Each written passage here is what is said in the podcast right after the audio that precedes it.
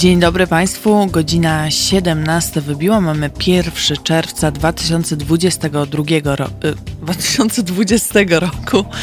E, już jakoś się rozpędziłam na samym początku zbyt e, mocno myślą, e, ale pozostajemy e, w dniu dzisiejszym i będziemy rozmawiać o dzisiejszej, ale nie tylko szkole, bo będziemy też rozmawiać o szkole e, marzeń, ponieważ tydzień, tak, e, tydzień temu tak bardzo poruszył Państwa ten temat, że postanowiłam go kontynuować i dzisiaj również będziemy o szkole rozmawiać. Zapraszam serdecznie.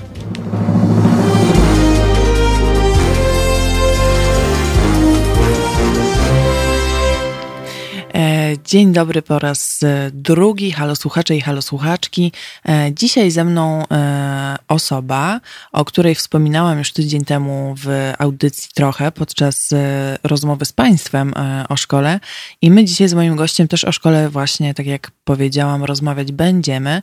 A moim gościem jest Łukasz Korzeniowski ze Stowarzyszenia Umarłych Statutów. Dzień dobry.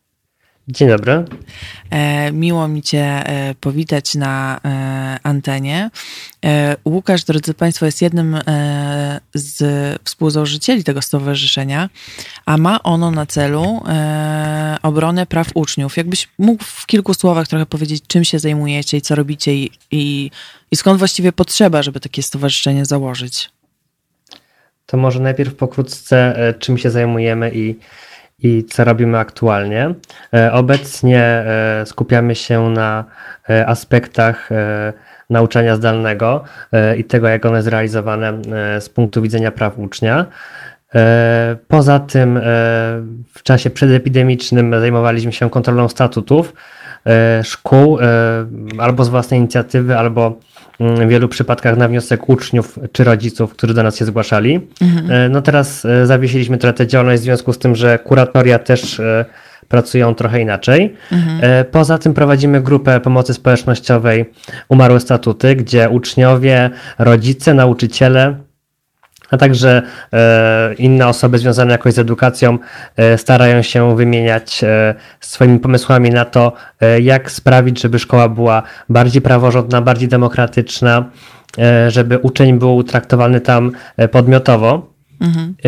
I odpowiadając na pytanie, skąd w ogóle pomysł na to stowarzyszenie i dlaczego robimy to, co robimy, no to właśnie jest kwestia tego, że chyba każdy z nas czasie swojej edukacji, gdzieś tam w szkole, spotkał się z tym, że potraktowano go nieuczciwie, niesprawiedliwie, e, że nie zawsze wszystko, co się działo względem niego, było zgodne z prawem. E, są osoby, które miały mniej przyjemne doświadczenia, są tacy, którzy tam jakieś tylko drobne utaczki z nauczycielami mieli, ale tak generalizując mogę powiedzieć, że chyba każdy z nas spotkał się kiedyś w szkole z taką sytuacją, że coś się wbrew prawu zadziało. Mhm. No i według nas skala tego zjawiska jest bardzo duża, a co jest problemem, to to, że nie ma efektywnych mechanizmów ochrony praw ucznia, mhm. E, że jednak uczeń w szkole stoi na słabszej pozycji niż dyrektor, niż nauczyciel i niestety e, często jakieś dochodzenie swoich praw jest e, utrudnione, o ile nie niemożliwe. Mhm. No tak, i to wydaje mi się, że szczególnie w okresie tej pandemii, tego nauczania zdalnego, jakoś mocniej jeszcze to widać, albo po prostu mocniej się na to zwraca uwagę. Ja to też widzę z, e, kiedy rozmawiam na przykład z rodzicami, e, którzy, nie wiem, siedzą i odrabiają ze swoimi dziećmi lekcje, to jakby oni dopiero w czasie tej pandemii zauważają, z czym te dzieci rzeczywiście muszą mierzyć, jak wyglądają te e, klasówki czy kartkówki, które dalej w trakcie pandemii są e, robione. Jest ich bardzo dużo w wielu szkołach i że to jest jakby takie doświadczenie e, trochę uświadamiające. Właśnie ta pandemia ma też jakieś plusy, bo często rodzice nie chcą wierzyć swoim dzieciom, że w szkole jest e, tak jak jest, że jest trudno, że te kartkówki są e, nieraz naprawdę e, bardzo trudne i skomplikowane albo absurdalne.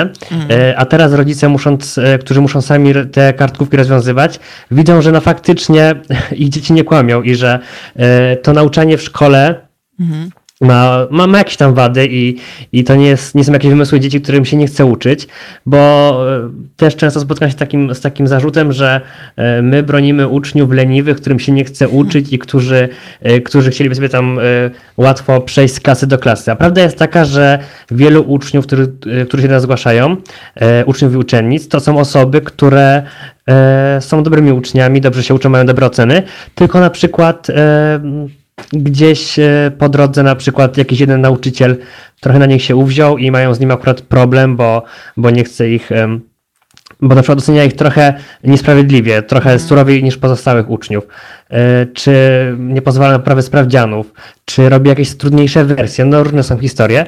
No i właśnie teraz e, rodzice widzą, e, jak wygląda ta edukacja w szkole i że faktycznie, już pomijając nawet te kwestie programowe, że jakby system organizacji tego nauczania no, ma, ma wady, które, które mhm. można poprawiać i nad którymi trzeba pracować. Mhm.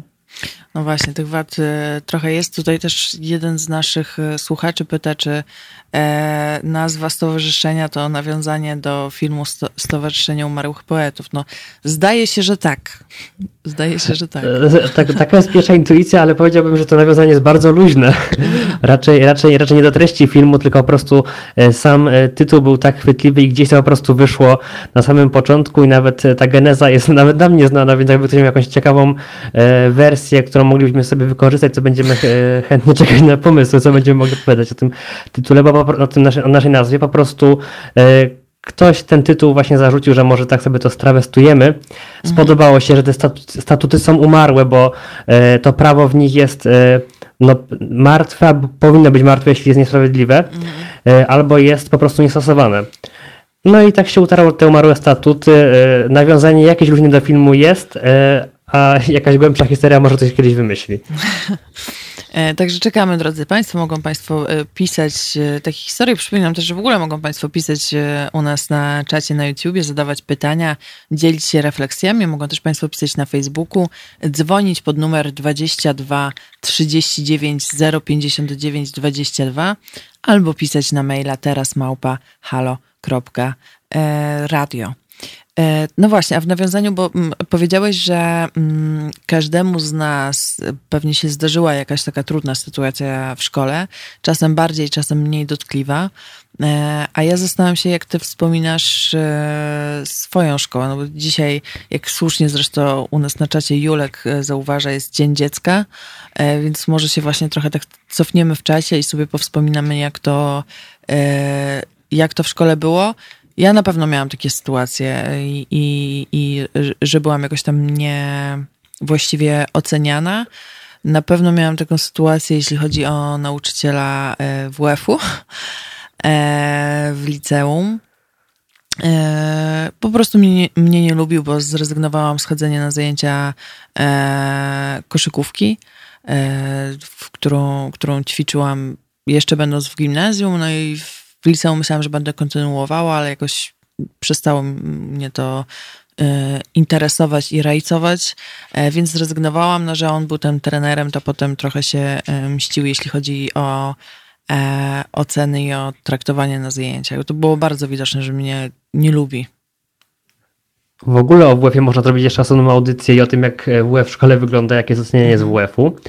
E, no ja też sam miałem z webistami różne historie i przygody, ale e, co ciekawe, uświadomiłem sobie dopiero niedawno, że miałem w szkole takie sytuacje, gdzie to prawo było naruszane, ale sam o tym nie wiedziałem, bo po prostu autorytet szkoły nauczyciela był taki, że jeśli mm, on coś mówi, no to przyjmujemy to za prawdę, tak? I nawet chyba nikomu się tam w podstawówce czy w gimnazjum nie nie śniło, żeby pomyśleć, że nauczyciel może nas okłamywać, czy wmawiać nam, że coś jest prawdą, a nie jest. Na przykład e, kwestia tego, że żeby otrzymać świadectwo, trzeba oddać książki do, do, biblioteki.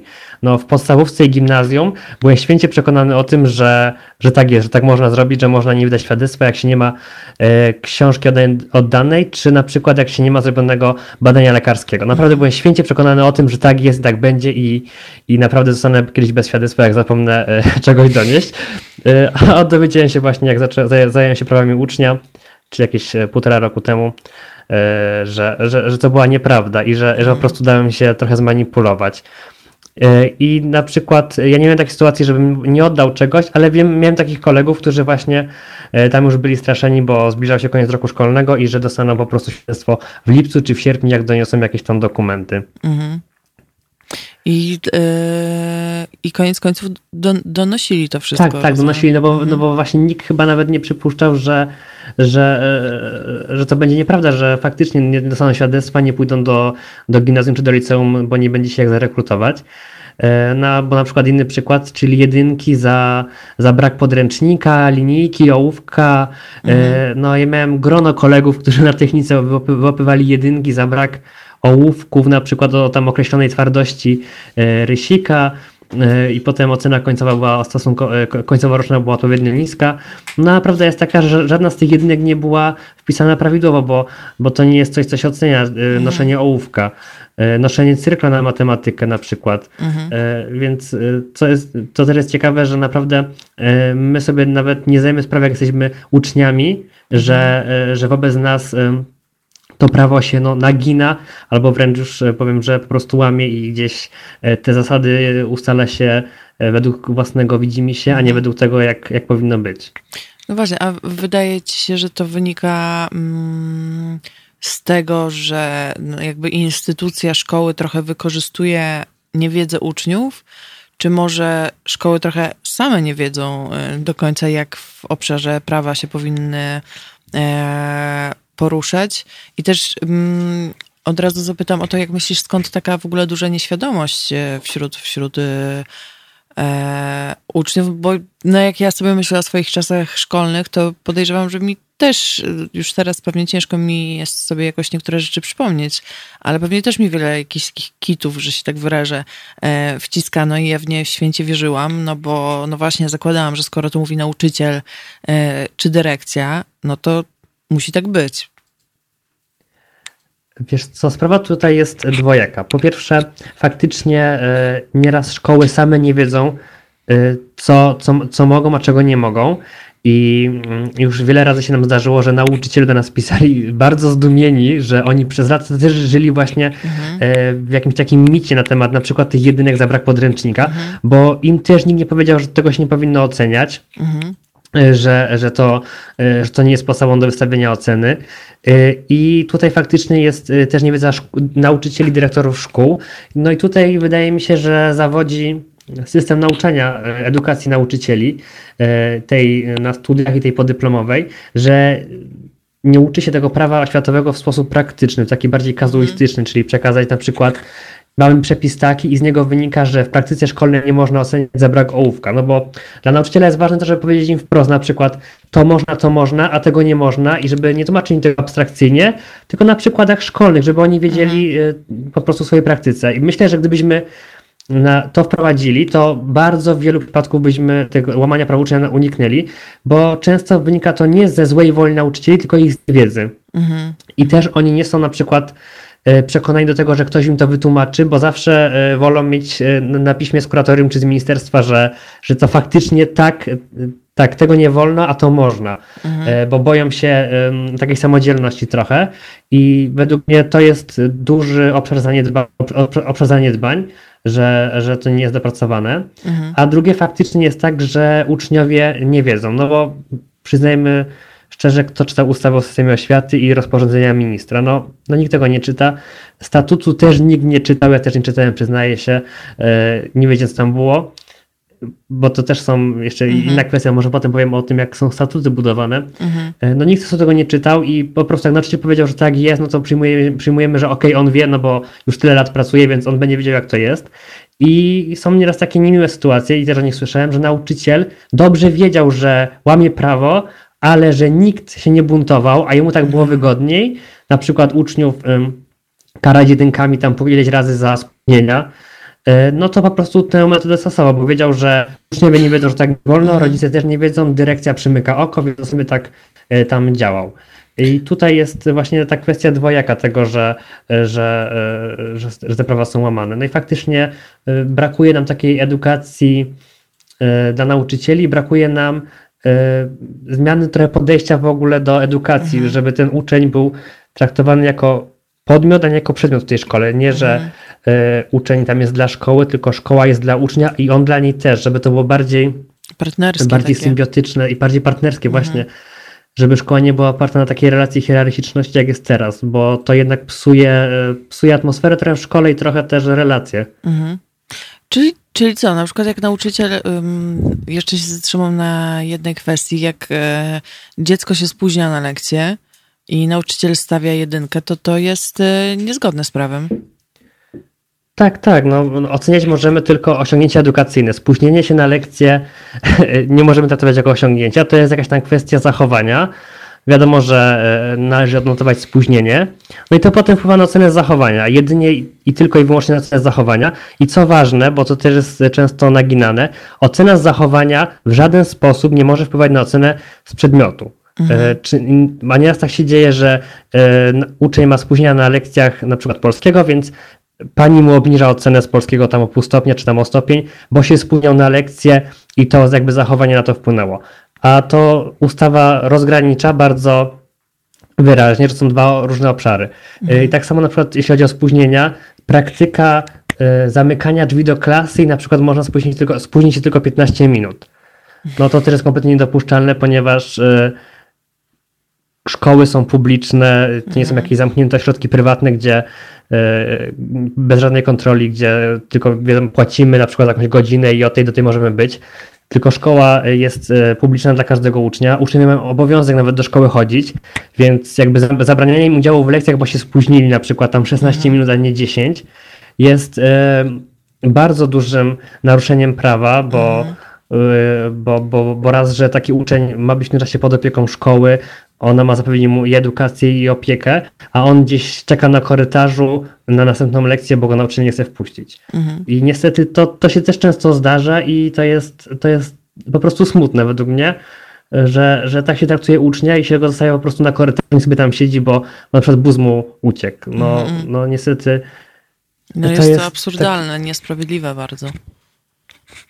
Mm, W, stosunku do tych uczniów. Mi też e, właśnie jak o tym mówisz, to mm, akurat zamykania drzwi w szkole jeszcze e, nie było. Jedynki owszem wlatywały za spóźnienia, ale na przykład na studiach miałam takiego e, jednego wykładowcę, którego serdecznie pozdrawiam. Nie będę może teraz przy tej okazji nazwiska wymieniać, który był zresztą później promotorem mojej pracy magisterskiej, ale miał taką technikę, że tak powiem, że dawał właśnie 15 minut na spóźnienie, a później zamykał salę wykładową, no i jak ktoś się e, spóźnił więcej, to już nie mógł wejść na, na jego zajęcia. I myślę, że to też było trochę nie fair. No właśnie też powiedzmy o tym, jak to działa na, na uczniów, którzy są w gimnazjum w takim Mhm. wieku buntowniczym. No po prostu w nich gdzieś ta frustracja się zbiera, jeden raz drugi, po prostu potem to, to się kończy tym, że on ma niechęć do szkoły. To, ta niechęć nie wynika z tego, że się nie chce uczyć, tylko po prostu to, jak on jest traktowany w tej szkole, Mhm. nie sprzyja temu, żeby on się tam czuł komfortowo, no bo e, bo nie ma też przecież pomocy psychologicznej w szkole, bo to, to jest po prostu jakaś fikcja, pedagog i peda- psycholog w szkole. Często e, naprawdę mam mnóstwo wiadomości, w których uczniowie piszą, no, że nie pójdą do nauczyciela psychologa, bo on się zna z tym nauczycielem, który akurat e, ich wyśmiewa na lekcji, więc mówią, co za sens e, iść e, się skarżyć e, nauczycielowi na jego kolegę z pracy. Dla nich to w ogóle ten system nie funkcjonuje i jest tylko fikcją. Bo, tak z tego, bo i tak z tego nikt nie chce korzystać. Tutaj właśnie coś przenaczacie, że był nauczyciel historii, który rzucał Właśnie, uczniów też. ołówkami. No to brzmi absurdalnie, jak się o tym pomyśli, no bo mało chyba kto by w taką historię uwierzył, ale ja znam takie przypadki, że faktycznie tak się działo, że trafią się tacy nauczyciele, którzy potrafią y, bardzo agresywnie na lekcjach reagować, mm, na, na przykład na agresję uczniów. No i to też według mnie jest y, gdzieś znowu coś nie zadziałało, że nauczyciel y, nie ma takiego przygotowania pedagogicznego, żeby sobie z tymi uczniami poradzić, bo odpowiedzią na agresję uczniów nie może być agresja nauczyciela, bo to prowadzi do kolejnych konfliktów. Mhm. No właśnie też a propos tego rzucania, to pamiętam, że my mieliśmy taką panią z matematyki, która rzucała kredą i to nawet nie była odpowiedź na y, jakąś agresję, tylko ona w ten sposób jakby wskazywała osobę, y, która ma iść do tablicy i odpowiadać.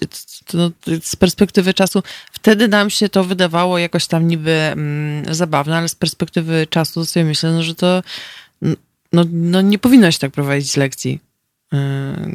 krótko mówiąc, ale, no, ale właśnie nikt sobie nie zdawał, nie zdawał z tego sprawy.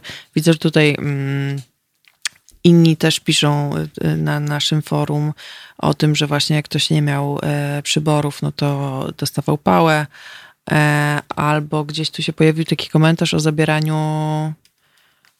Właśnie muszę go znaleźć o zabieraniu mm, y, rzeczy. O, na przykład właśnie jak Sejmat pisze, że uczniom za moich czasów brali sprzęt, kaseciaki, karteczki i tak dalej e, i nie oddawali. No to, to już jest... W, w ogóle właśnie to, to, zostało, zostało to odbieranie rzeczy tak. na uczniom zostało i to dalej funkcjonuje. Dla mnie to jest po prostu to jest absurdalna sytuacja, mhm. w której własność uczniów e, nauczyciele zabierają od tak sobie bez żadnego nieraz protestu uczniów, e, za przyzwoleniem dyrekcji i co, co gorsze, nieraz za przyzwoleniem kuratorium, mhm. jeśli chodzi o telefony. E, dla mnie ta sytuacja jest kompletnie niedopuszczalna. E, no, przyznajmy, że teraz najczęściej e, chodzi o telefon, o zabieranie mhm. telefonów. Zabieranie telefonów dorosłym osobom, dorosłym uczniom, jak to są w liceum i technikum, składanie w jakichś sejfach i zmuszanie rodziców, żeby te telefony odbierali i jeszcze słuchali jakichś umoralniających pouczeń dyrektora szkoły jest dla mnie po prostu nie do pomyślenia i co najgorsze, rodzice uczniowie na to się godzą mhm. i nie ma takiego gdzieś buntu, bo się wydaje, no, że musimy po to iść i przeboleć, że tak się stało. I według mnie to jest błąd, powinniśmy się buntować bardzo mocno przeciwko mhm. temu, bo to nie jest prywatny folwark żadnego nauczyciela, gdzie on decyduje, mhm. co można, co nie można i że można zabierać rzeczy od tak. Przecież jak idziemy do urzędu na przykład, to nam pani urzędniczka nie zna telefonu, nam zadzwoni w czasie spotkania telefon, e, no bo to byłoby bardzo dziwne, prawda? A w szkole jednak to jest normalne, że nauczyciel przychodzi i wyciąga z plecaka telefon i go odnosi do sejfu w szkole, mhm. nawet jak uczeń jest pełnoletni. E, uczniom niepełnoletnim też, e, też się zabiera telefony, też mają telefony. No tam ta kwestia, czy to jest telefon ucznia, czy rodzica, no można dyskutować, ale nie, nie ukrywajmy, że przecież e, niepełnoletni uczniowie też jakieś tam pieniądze mogą sobie zarobić, mogą sobie ten telefon kupić i to może mhm. być ich własność. I zabieranie im tych telefonów też jest niedopuszczalne. Rzecznik Praw Obywatelskich interweniował też w tej sprawie i on tam właśnie w takim jakby poradniku wyjaśniał, że odebranie uczniowi niepełnoletniemu może zajść w sytuacji tylko takiej, jeśli e, rodzic na to się bezpośrednio zgodzi, czyli mhm. sytuacja, że telefon tam jest używany na lekcji, w statucie jest, że nie wolno, nauczyciel e, dzwoni do rodziców, mówi, że jest taka sytuacja i czy może ten telefon odłożyć do sejfu i potem rodzice mogą sobie po niego przyjść, jeśli mhm. będą chcieli jeśli nie ma takiej zgody rodziców, to nie można tego zabrać mhm. i też nie można na przykład wymagać od rodziców, że dopiero za trzy dni mogą po ten telefon przyjść, bo taka kara dla ucznia, że jest trzy dni bez mhm. telefonu. No, no nie, na każde żądanie ten telefon musiał być wtedy wydany. Mhm. A zabieranie przed jakichś innych rzeczy, y, piórników nieraz, jakichś książek, komiksów, nieoddawanie tego, no to się po prostu nie mieści w głowie, tak jak się już wyjdzie ze szkoły, prawda, w jakimś mhm. innym środowisku, żeby ktoś tam coś zabierał bo, bo nie słyszałem o takich sytuacjach. A w szkole jednak ciągle to jest na porządku dziennym i to się wydaje wielu osobom normalne, mhm. że tak może być. I a propos tego mówimy, że kuratoria na to zezwalają. E, raz pisaliśmy właśnie interwencję, gdzie w statucie procedura, która była opisana odbierania telefonów, była właśnie jawnie sprzeczna co mówił rzecznik mhm. E, Adam Bodnar, że tam e, poinformowanie rodziców, zgoda, natychmiastowe wydanie, bo tam było na przykład, że nauczyciel zabiera nawet jak się nie połączy z rodzicami, tam jeszcze była coś takiego, że uczeń musi sam rodzicom o tym powiedzieć, mhm. wytłumaczyć się z tego, dopiero za jakiś czas można ten telefon odebrać, a kuratorium odpisało, że no, że jak się tak dogadała szkoła z dyrektorem, y, dyrektor z rodzicami, y, szkoła z uczniami, no to przecież może być, bo to jest jakiś ten środek wychowawczy. No. Czyli kuratorium też jakby optowało za na dobrą sprawę łamaniem, e, e, łamaniem prawa no po prostu to jest taki jeszcze relikt gdzieś, który tam zostaje mhm. y, tego, że no, zawsze tak było, nikt się nie buntował, no to po co to zmieniać? Mhm. Dlaczego ucznia traktować na równi, jakoś, nie wiem, bardziej po ludzku, skoro można go potraktować, y, potraktować trochę gorzej, żeby nam było y, łatwiej. Nie mówię, że mm, prowadzenie takiej szkoły to jest komentarz, e, chciałbym widzieć szkołę prowadzoną przeze mnie. Ja, ja nie, nie, wybieram się na dyrektora szkoły na razie, chociaż kto wie, może jakiś tak się skończy. E, nie mówię, że prowadzenie szkoły z poszanowaniem mm, prawa, no przecież mhm. to absurdalnie, nie jest proste. Wymaga jakiegoś poświęcenia i większego zaangażowania, szczególnie jeśli chodzi takie bardziej złożone kwestie typu, co zrobić z tymi telefonami. Wiadomo, mhm. jakoś trzeba uczniów kształtować, wychowywać, coś im pokazywać, tylko y, trzeba to robić rozsądnie i zgodnie z prawem i zgodnie z jakimiś metodami wychowawczymi. Ja nie jestem w ogóle z pedagogiem, nie mam na ten temat żadnej wiedzy, więc się nie wypowiem, ale na przykład jeśli chodzi o zabieranie telefonów, no my zabierając te telefony bez żadnej podstawy prawnej uczymy właśnie uczniów czegoś kompletnie innego. Tak. Y, ja już parę razy słyszałem od uczniów, którzy mówili mi, no, że coś tam przeskrobali w prawie, no ale przecież mówią, w szkole też nikt się tym nie przejmował, no to czemu ja mam się przejmować tym, mhm. że, że coś tam muszę przynieść, zanieść na przykład, czy coś zapłacić, bo przecież w szkole też mieli na prawo e, spojrzenie takie, mhm. jakie mieli, też go nie przestrzegali, też zawsze nam mówili, a no, że coś tam jest w statucie, no to jest w statucie, a my robimy po swojemu. Mhm. No niestety tego uczy szkoła, że, że prawo sobie może być, ale jak nam nie pasuje, sobie możemy je zmieniać. Mhm. I to niestety potem pokutuje też w życiu dorosłych wielu osób, bo gdzieś jest takie przyzwolenie na to, że możemy sobie e, prawo e, dowolnie naginać, czy urząd, czy, czy władza i, i no niestety ten system, on już od od początku, od, od, od samego zaczęcia się uczniów ze szkołą, jakby właśnie kształtuje ich na takich trochę biernych obywateli, którzy, którzy powinni, jak coś jest nie okej, okay, to to przemilczeć, mhm. przeboleć, z tym się pogodzić. No mhm. i właśnie, tak jak mówię, to potem pokutuje. No tak, jakby widzimy to też e, właśnie tak jak mówisz, jako społeczeństwo trochę jesteśmy przyzwyczajeni do takiej bierności i do przyjmowania, że skoro ktoś, kto ma mm, w jakiś tam sposób władzę, coś mówi, no to trzeba się na to e, zgadzać i trzeba to pokornie przyjmować. E, więc to jest e, na pewno problematyczne. Jeżeli Państwo chcą z kolei słuchać radia, w którym e, nikt nam nie mówi, co mamy e, robić i mówić, i e, jesteśmy odporni na takie pseudo-autorytety, no to mogą nas Państwo wspierać, wchodząc na stronę e, halo.radio. Tam jest wszystko wyjaśnione, jak to robić. E, będziemy bardzo wdzięczni za, za wszelkie wpłaty, no bo jesteśmy radiem e, obywatelskim, a my na razie się przeniesiemy ze świata szkolnego do świata muzycznego. E, Crowded House.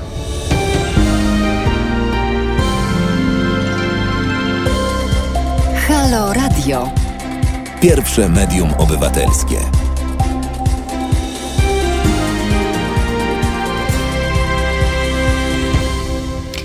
Słuchają Państwo e, Halo Radio. Wybiła godzina 17.31. Mamy 1 czerwca, Dzień Dziecka. E, ze mną w studio jest e, Łukasz Korzeniowski ze Stowarzyszenia Umarłych Statutów. Państwo mogą się z nami dzielić swoimi refleksjami, pisząc na przykład na czacie na YouTubie, również w komentarzach na Facebooku. Mogą też Państwo dzwonić pod numer 22 39 059 22 lub pisać e, na maila teraz małpa halo.radio, a my e, rozmawiamy o szkole, bo tydzień temu bardzo mocno Państwa ten temat poruszył i to właściwie można by pewnie ze 20 audycji jeszcze na ten temat zrobić. Jedna z naszych słuchaczek, Anna, pisze, że problem tkwi w traktowaniu uczniów jako tych, którzy bezwiednie mają wykonywać polecenia. Każda indywidualność jest zła, jeśli nie wpisuje się w schemat, natomiast e, problem jest też w tym, że uczniowie nie szanują darmowego dostępu do wiedzy. E, no rzeczywiście o tym traktowaniu takim to już trochę wspomnieliśmy. E, no tak, i pewnie, pewnie da się zaobserwować coś takiego, że jeśli dziecko chociaż trochę się wyróżnia e, w jakąś stronę, to mm, jest raczej jakaś taka podejmowana próba, żeby ustawić je w szeregu i żeby było takie jak, jak inne dzieci. No tak, zgodzę się. No, tutaj znowu powiem to, co, co wcześniej mhm. mówiłem, że, że po prostu tak jest łatwiej w szkole, jeśli mhm. ma się tych uczniów e, podobnych, jednakowych, jeśli da się jakoś tam po prostu ustawić w takim równym szeregu i da się tym fajnie wtedy jakby mm, zarządzać. E, jest też wtedy ten aspekt, że na przykład da się utrzymać spokój w klasie na zajęciach, tylko mhm. no, jakby ciągle musimy pamiętać o tym, że co jest głównym celem szkoły, czy to, żeby uczeń był wytresowany, siedział cicho, czy jednak powinniśmy znaleźć trochę inny sposób myślenia o edukacji i o tym, po co nam jest szkoła? Czy może jednak szkoła powinna być po to, żeby uczeń mógł się tam realizować, e, dostawać wsparcie, opiekę. Propos, propos uczniów, którzy nie szanują dostępu do wiedzy mhm. darmowego. No znów taki mamy system, w którym, w którym szkoła jest publiczna dla każdego i wiadomo, że E, nie każdy z 30 uczniów w klasie e, będzie tak samo zainteresowany biologią, chemią, polskim czy matematyką. Wiadomo, że mhm. są osoby, które są bardziej zainteresowane, które chcą się uczyć, chcą iść na studia, są takie osoby, które chcą e, zdobyć jakiś konkretny zawód i po prostu nie jest im potrzebna taka wiedza. Dlatego no, trudno się dziwić, że ktoś się czegoś nie chce uczyć, prawda? Mhm.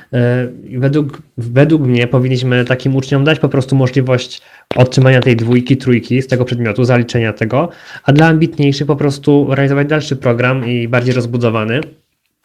I dzięki temu myślę, że byłoby i więcej spokoju w tych szkołach i nie byłoby tak, że ktoś nie szanuje dostępu do wiedzy, bo też takie określenie, że nie szanuje dostępu do wiedzy. Myślę, mi się wydaje, że on szanuje, tylko po prostu y, ta wiedza nie jest pod niego skrojona zawsze. Mm -hmm. Czasem już wie taki uczeń w liceum, że na przykład no, no, ta chemia czy biologia no, nie jest mu potrzebna do szczęścia i do życia dalej, bo on chce się skupić na przykład na, na języku polskim, na matematyce czy na, e, na sporcie na przykład chociażby i w tym chce się rozwijać i jakby już tym swoim czasem gospodaruje tak, żeby e, poświęcać się temu, co, co lubi. No, tak samo myślę mhm. w dorosłym życiu, że że taki sobie wybieramy zawód przeważnie, który będzie nam dawał jakąś satysfakcję, a nie robimy wszystkiego po trochu, no bo, bo, bo trzeba, prawda? tak samo wydaje mi się, że trzeba patrzeć na to Y, no, nauczą z tej perspektywy, mhm. że po prostu oni mm, starają się sobie tę wiedzę pod siebie trochę skroić, bo, bo są w takim systemie.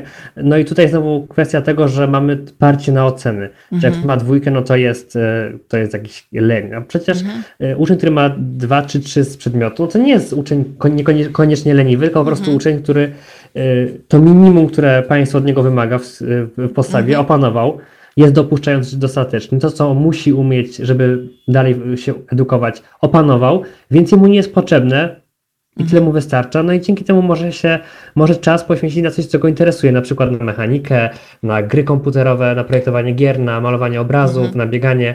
Bo po prostu każdy przecież jest inny i nie da się wymagać od każdego, żeby umiał budowę pantofelka, mhm. czy, czy coś tam na przykład. No ja pamiętam, jestem za to zawsze wdzięczna, że moja mama mi powtarzała, żebym się przykładała tylko do tych przedmiotów, które uważam, e, że mi będą jakoś tam potrzebne, a reszta to jak, nie wiem, będę miała trójki, to będzie w porządku.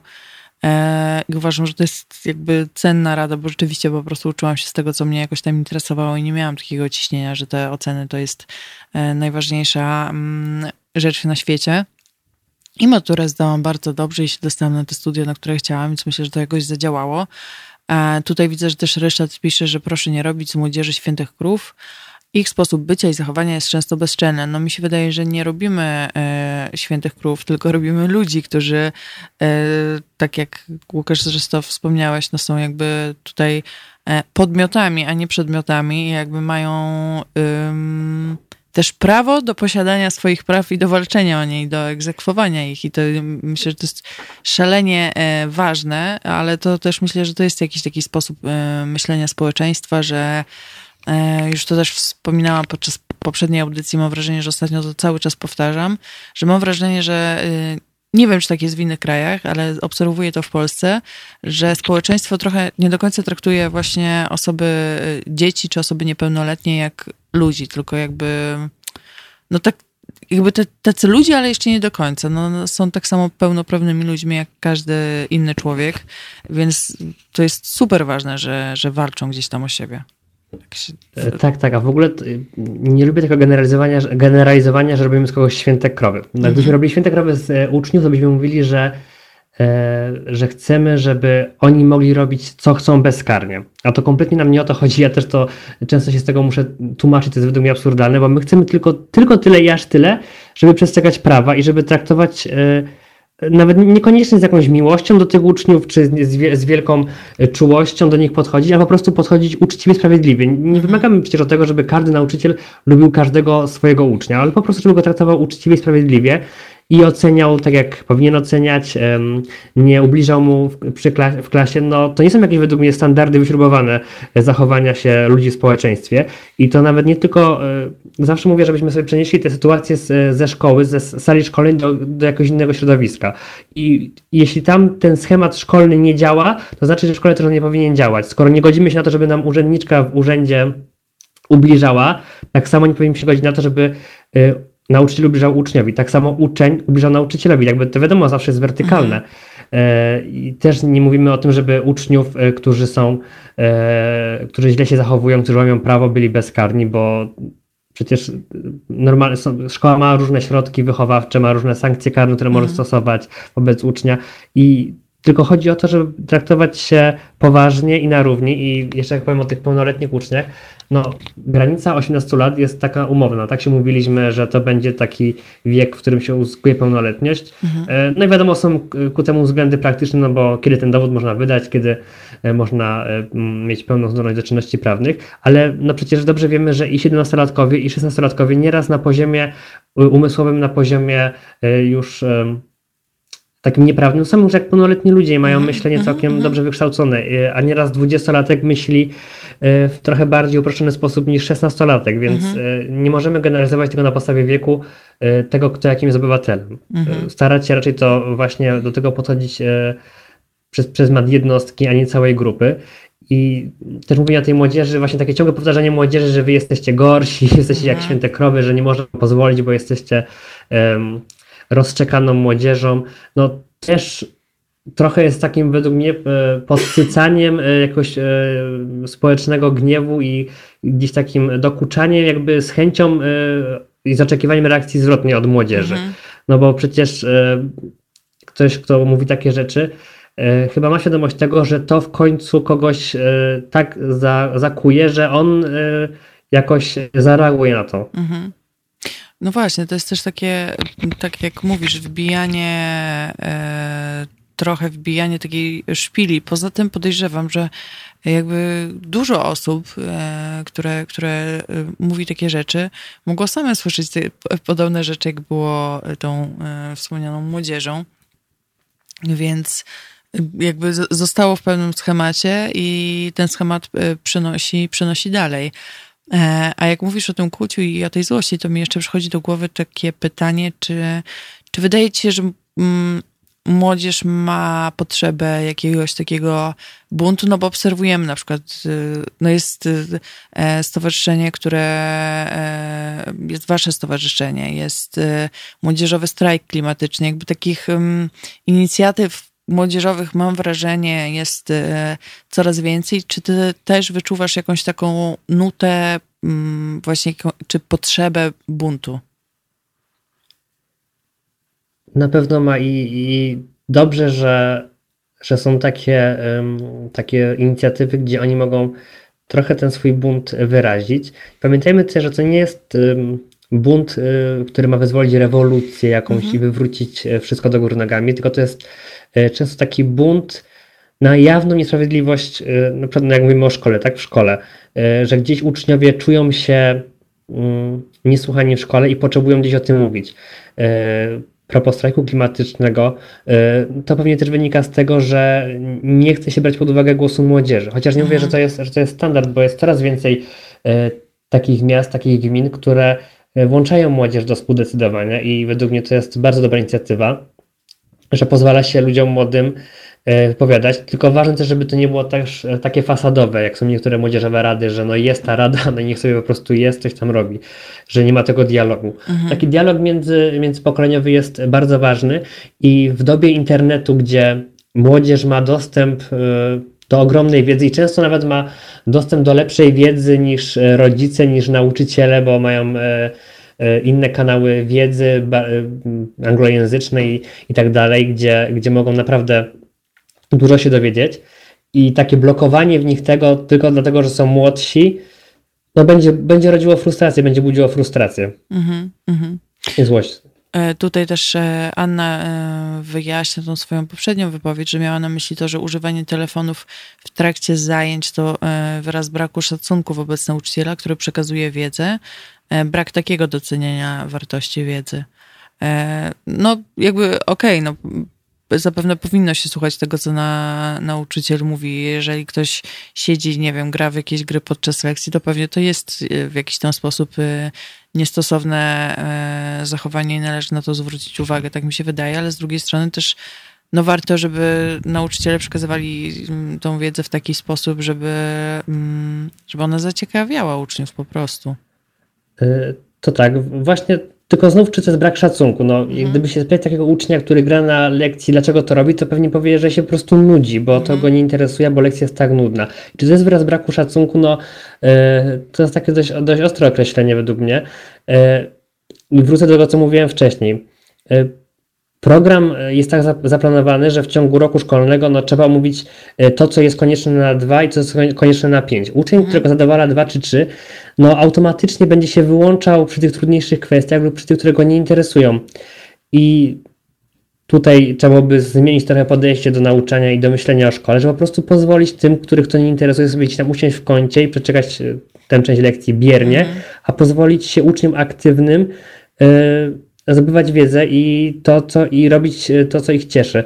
I też nie tracić czasu na to, żeby motywować e, każdą osobę w klasie do, e, do tego, żeby nadążali za resztą klasy, tylko tym, którym wystarcza ten mniejszy zasób wiedzy, dać spokój, a tym, którzy chcą więcej, dać możliwość zdobycia tej większej wiedzy bez jakiegoś tam oporu części klasy, która tego nie chce. No, mhm. no niestety tak, tak to jest zorganizowane i wydaje mi się, że nie było problemu z tym, żeby e, w ramach klasy indywidualizować tę naukę w taki sposób, żeby, żeby, e, żeby każdy uczeń tam się mógł e, dobrze odnaleźć. I dobrze tutaj pisze aksjoma, to sobie mhm. o takim niku, że szkoła jest przymusem. No właśnie, jest przymusem i ten uczeń, czy chce, czy nie chce, on się musi nauczyć mhm. wysłuchać tych wykładów z biologii od A do Z. Mhm. I on nie ma wyboru, czy coś go interesuje, czy nie.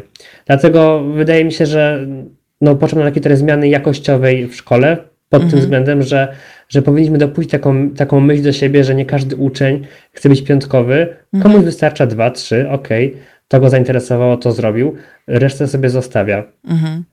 No, właśnie. To, jest darmowy przymus, mhm. przepraszam, bo tak przerwę, że darmowy mhm. przymus, no, no, ale to jest ciągle przymus. To, że darmowy, to, to myślę, że, że dużo nie zmienia. Y, I gdyby szkoła była płatna, może by to lepiej działało, bo tak jak działają szkoły językowe. Jeśli chcę chodzić na angielski, to za to płacę i sobie na to chodzę, a na francuski już nie chodzę, bo mnie to przed nie interesuje. Mhm. No tutaj też można rozmawiać o tym, czy bon oświatowy jest dobrym, dobrym rozwiązaniem, czy, yy, czy plan zajęć powinien być robiony na poziomie yy, ogólnopolskim i ministerialnym, yy, ale wciąż twierdzę, że to, co jest teraz, wcale nie jest takie złe, jeśli chodzi o samą same takie ramy, które nam prawo wyznacza mhm. i jest tutaj duże, duże pole do tego, żeby to gdzieś różnicować. Mhm.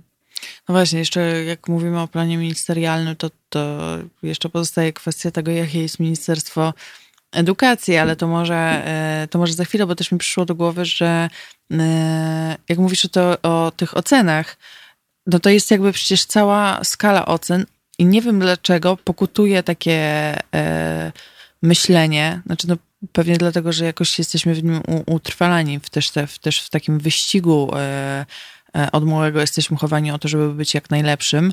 E, no ale jest cała skala ocen i wydaje mi się, że często jest takie podejście, że tylko ta piątka jest ok, że no czwórka może jeszcze ujdzie, ale że wszystko co niżej to już świadczy o tym, że uczeń e, jest zły. On może być, tak jak e, mówisz, po prostu na przykład niezainteresowany jakimś tematem, albo nie wiem, trudniej mu się uczyć z jakiegoś przedmiotu. I yy, nie wiem, dlaczego jest takie patrzenie, że trójka czy dwójka to są strasznie koszmarne oceny. No, są to oceny, które jakby mm, zaliczają dany przedmiot i pokazują, że uczeń zdobył z tego przedmiotu wystarczającą wiedzę, więc E, jest to takie uczepianie się tego oceniania w tej w ogóle świadomości społecznej, mam wrażenie. No tak, a zobaczmy, że na studiach też funkcjonuje kompletnie inaczej. Tam liczy się tylko zaliczenie, żeby, żeby mieć e, e, tą ocenę, która zalicza przedmiot i to, to wystarcza, prawda? Bo to jest jakiś taki, to minimum wiedzy, które osiągnęliśmy. I tak samo można robić w szkole. Wiadomo, że można różnie oceniać to, czy uczniowie na poziomie podstawówki są w stanie świadomie wybierać swoje przedmioty. No wydaje mi się, że nie, bo to jeszcze jest za wcześnie. W liceum już to trochę funkcjonuje. W gimnazjum też, znaczy w gimnazjum już nie mamy, no to już zapomniałem. Klasa siódmą są podstawówki. E, tam też można jakby trochę już e, pozwalać uczniom na, na, większy, na większą swobodę wyboru przedmiotów. I podkreślę po prostu to, że ktoś otrzymuje 2, 3, 3, to, to nie jest tragedia i to nie znaczy, że on jest e, leniwy, bo to, to jest takie określenie według mnie bardzo, bardzo niefajne czy głupi. Mhm. No po prostu nie jest zaciekawiony, nie jest zainteresowany bez, bez może zdolności też do, do nauki niektórych przedmiotów, no nie oszukujmy się. Mhm. Ocena 2 jest oceną bardzo dobrą, bo oznacza, że uczeń y, to takie minimum, które ma, zdobył, y, podstawową wiedzę, która jest konieczna do tego, żeby mógł się dalej jakoś kształcić, ma. Y, I nie widzę powodu do tego, żeby, żeby, żeby to, to ocenę jakoś negować. I to też znowu no, potrzeba na zmiany świadomościowej. Mhm. Tak wynika z naszej rozmowy, że no, te prawa ucznia to jest tylko taki wycinek, mhm. który jest jakby powodowany wieloma innymi rzeczami, które są wokół szkoły, wokół oświaty. I tak jak pisze właśnie Anna, a propos tego, co mówiłem wcześniej, płatnych szkół.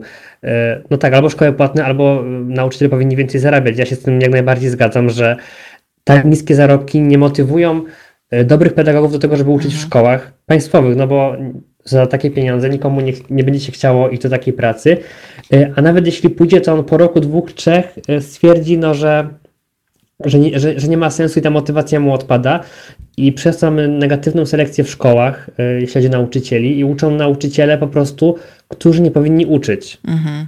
Mhm. I tutaj może to jest y, niepopularna opinia, ale ja nie jestem za tym, jak był strajk nauczycieli, ja go nie popierałem z tego względu, że nie uważam, że należą się nauczycielom podwyżki systemowe każdemu, od tak, bo jest nauczycielem. Mhm. Przede wszystkim powinniśmy zadbać o to, żeby wynagradzać dobrze dobrych nauczycieli i naprawdę im trzeba płacić, bo jest wielu pedagogów w szkołach, świetnych mhm. nauczycieli, którzy zarabiają naprawdę bardzo marne pieniądze, a jest wielu, wielu marnych nauczycieli, którzy zarabiają za duże pieniądze. Mhm. I ta dysproporcja, no, spójrzmy też z, z perspektywy nauczyciela dobrego, zaangażowanego, który zarabia tyle samo, ile go kolega, który nie robi nic w tej szkole, bo po mhm. prostu tak sobie mm, mm, gdzieś tam przeczekuje te, te, kolejne lata w szkole. No to też jest demotywujące, prawda? -hmm. System motywacyjny nauczycieli i awans zawodowy, który de facto jest po prostu awansem opartym na podstawie E, lat pracy. Nieważne, czy ktoś jest dobry, czy zły, jak przepracował tyle, przepracował, to dostanie ten awans. Mhm. Nauczyciel mianowany to taki nauczyciel, którego już nie można ze szkoły zwolnić tak w prosty sposób, bo to nie jest kodeks pracy, tylko karta nauczyciela.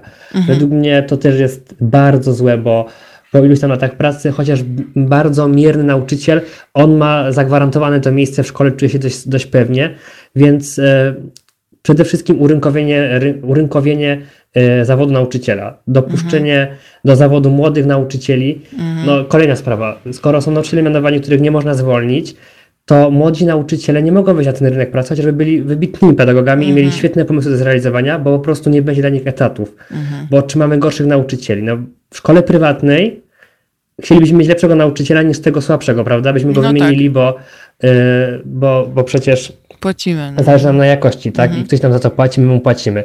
A ten system, który jest teraz, jest fatalny, ponieważ młodzi nauczyciele mają bardzo ciężko się wbić na rynek mhm. pracy, bo jak już tam wchodzą, to zostają już środowisko no, trochę hermetyczne, gdzie jakieś innowacje edukacyjne są nieraz źle odbierane. Mhm, mhm. Dlatego no tak, wynagrodzenia dla nauczycieli większe, oczywiście, ale nie dla wszystkich. I to będę powtarzał zawsze, że mhm. y, ja już o tylu przypadkach słyszałem nauczycieli, którzy zachowują się tak skandalicznie, że powinni być zwolnieni z pracy, a nie dostawać podwyżki. Dlatego mhm. nigdy nie będę za tym, żeby e, podnosić pensję nauczycielom systemowo i każdemu porówno, mhm. bo to nie ten system, e, ale żebyśmy każdego wynagradzali za tą, za tą pracę, jaką robi mhm i po prostu nie bali się zwalniać nauczycieli ze szkół, jeśli są słabi. I po mhm. prostu nie chronili ich tym miejsc pracy e, na siłę. I to będzie z korzyścią dla wszystkich. Dla tych nauczycieli, bo może y, znajdą sobie taką pracę, która jest faktycznie dla nich, nie będą się w szkole męczyć, dla mhm. uczniów, bo będą mieć dobrych nauczycieli i dla tych samych dobrych nauczycieli w szkole, którzy będą mogli się rozwijać, a nie będą przez y, słabszych równani w dół. No to jest w ogóle bardzo y, ciekawe spojrzenie na, na, na sprawę i przyznam, że nie myślałam o tym y, pod kątem, to znaczy dostrzegam to, że nauczyciele są właśnie różni, niektórzy są bardzo zaangażowani, e, niektórzy zdecydowanie mniej, tak jak mówisz, po prostu sobie przeczekują w tej e, szkole do, do emerytury i robią cokolwiek, byleby e, było odhaczone, więc to jest bardzo ciekawe spojrzenie na, na sprawę, jakoś mi otwiera jakiś nowy taki um, jakąś nową klapkę w głowie mi otworzyłeś właśnie, więc dzięki. A, a ja dziękuję, że Państwo z nami są i dziękuję też za to, że Państwo wpłacają na e, Halo Radio. Mogą to Państwo oczywiście dalej robić, wchodząc na stronę www.halo.radio ukośnik SOS i tam wybrać dowolną formę wpłaty, czy to jednorazowej, czy to e, co, e, co miesięcznej. A teraz z nami Inexes. Halo Radio. Gadamy i trochę gramy.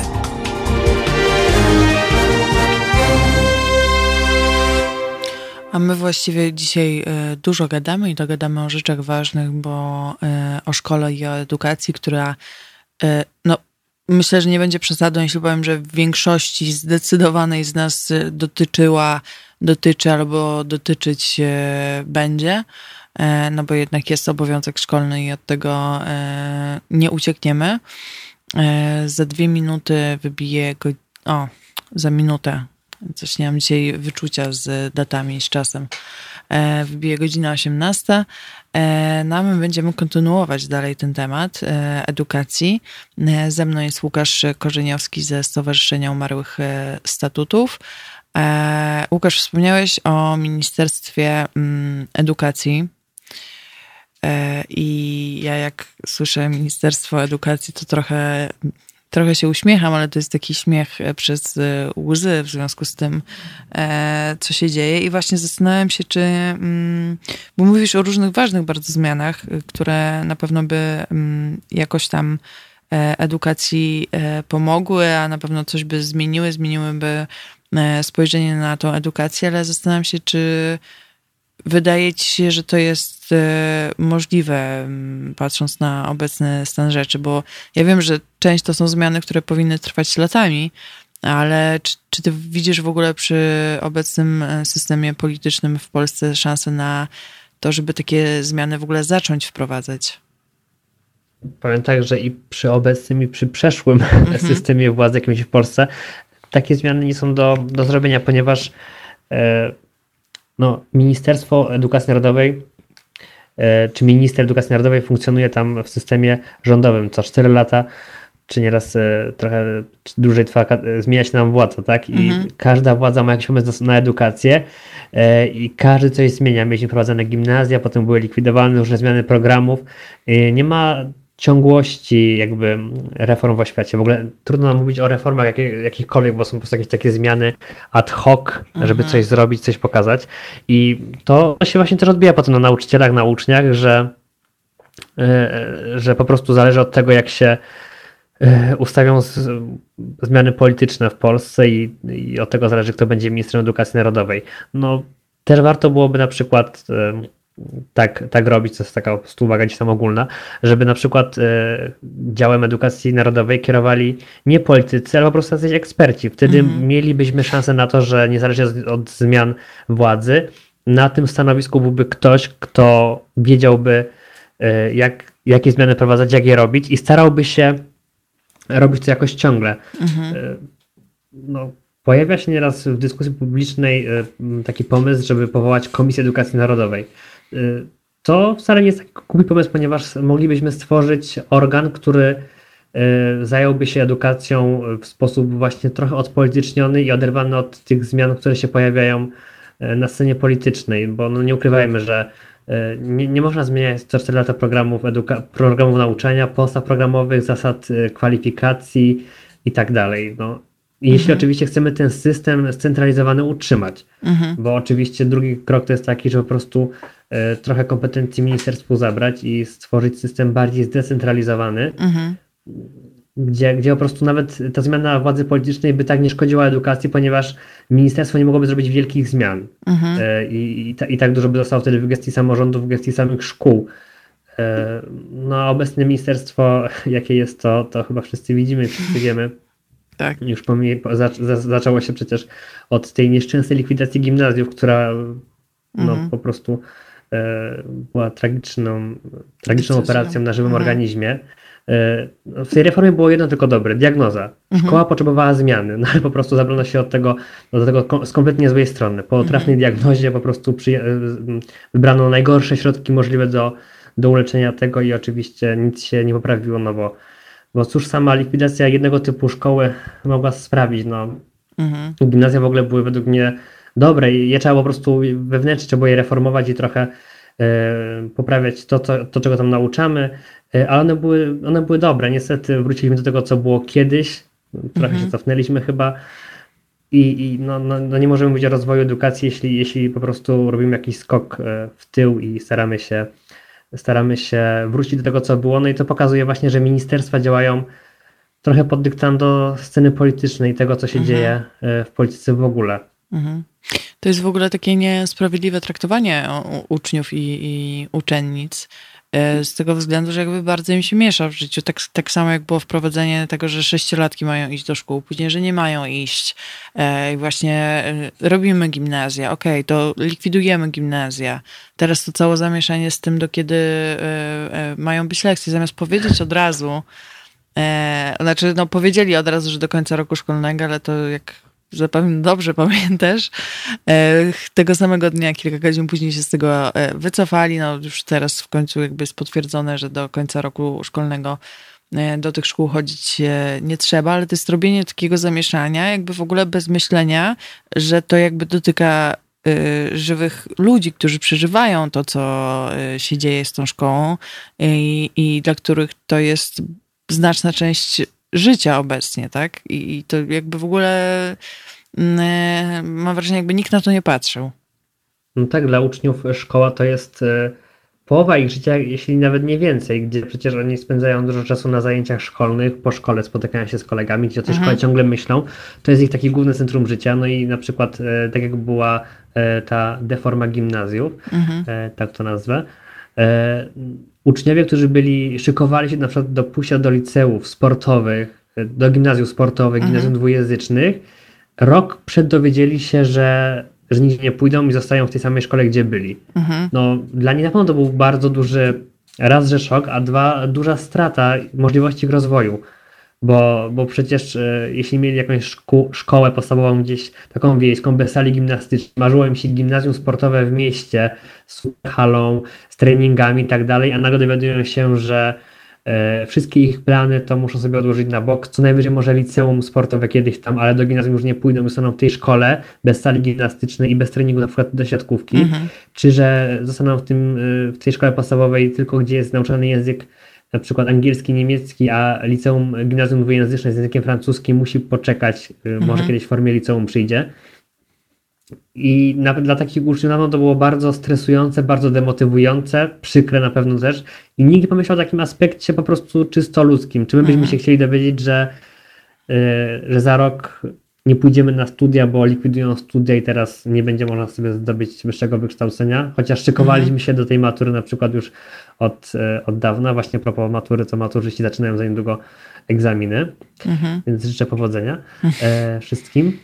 E, no. No, czy chcielibyście maturzyści dowiedzieć na przykład, że na przykład e, studia są w Polsce anulowane, bo, bo, bo tak, no, no mhm. no byłoby na pewno po prostu frustracja, złość, tak dalej. No to jest też takie bardzo traktowanie uczniów jako jakichś pionków w systemie edukacji. No po mhm. prostu przyjęto, no, że to się przesunie, tu się, ich, tu się ich zmieści, tu się ich ściśnie i jakoś to będzie. No ale to nie chodziło przecież tylko o kwestie lokalowe, czy grona pedagogicznego, czy, czy właśnie kadrowe i tak mhm. dalej, no bo to zawsze można jakoś tam coś wykombinować, coś poprzesuwać, jakąś siatkę godzin, ale nie pomyślano po prostu o uczniach, o tym, co oni chcą dalej robić. Często gimnazjum otwierało możliwość poznania nowych ludzi, nowych mhm. miejsc, e, do poznania nowych w ogóle sposobów edukacji. A tak to zostali w tej samej szkole, w której byli od, od zerówki czy od pierwszej mhm. klasy, bez możliwości dalszego rozwoju, mimo że sobie to planowali.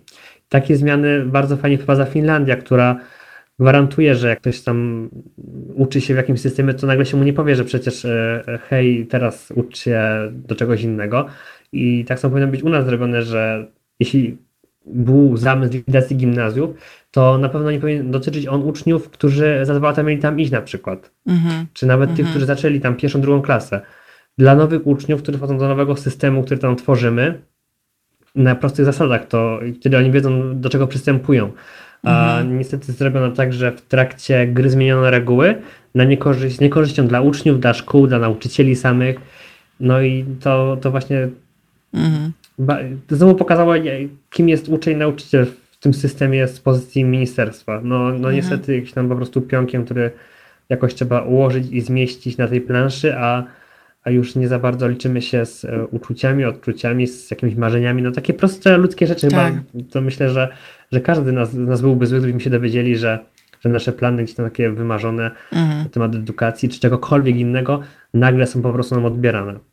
To ja myślę, że to jest w ogóle takie e, symptomatyczne bardzo, bo w tych różnych rankingach polscy uczniowie i uczennice, jeżeli chodzi o, mm, o to, jak się uczą, no to mm, wynika z nich, że mamy dobrych uczniów i, i, i uczennice. One jakoś tą wiedzę e, ogarniają, e, przygotowują się do tego wszystkiego bardzo dobrze na, na, na wysokim poziomie, więc to też nie jest tak, że mamy jakichś e, złych i leniwych uczniów, jak się często próbuje wymawiać i mówić, ale z drugiej strony e, to mm, rozpowszechnienie tego zjawiska, jakim jest, nie wiem, depresja wśród nastolatków dzieci, e, czy inne jakieś takie e, problemy właśnie e, natury by psychicznej, jakieś myśli samobójcze, taki no, ogólny zły, zły stan psychiczny, no to to jakby pokazuje, że coś w tym systemie, że może i te dzieci się uczą i, i że się wprowadza te różne zmiany, ale jakby to właśnie tak dobitnie pokazuje, jakim kosztem to się dzieje, że to się dzieje kosztem ich e, zdro- zdrowia psychicznego i jak one później mają funkcjonować też e, w społeczeństwie, kiedy już od najmłodszych lat są obarczone takim e, ciężarem. To jest straszne. Cie- Ciekawy temat tych, tych badań, które są prowadzone i rankingów Mhm. uczniów. No bo z jednej strony fajnie, że, że nasi uczniowie wypadają tak dobrze, Mhm. tylko z drugiej strony mm, trzeba się zastanowić, co za tym stoi. Czy to Mhm. faktycznie nasz super system edukacyjny, który tak ich wszechstronnie e, potrafi edukować, czy jednak to, że mm, to jest taki bardziej system opresyjny i Mhm. często te dobre wyniki są ok- okupione stresem szkolnym, przecież tak nierzadkim, jakąś depresją, załamaniami psychicznymi. No i też nie wiem właśnie, czy, czy mamy się z czego cieszyć, i czy koniecznie na takie rankingi trzeba patrzeć i czy to jest najważniejsze w tym, żeby fajnie wpaść w rankingu. Mhm. E, Propos rankingów, na przykład ranking perspektyw, Mhm.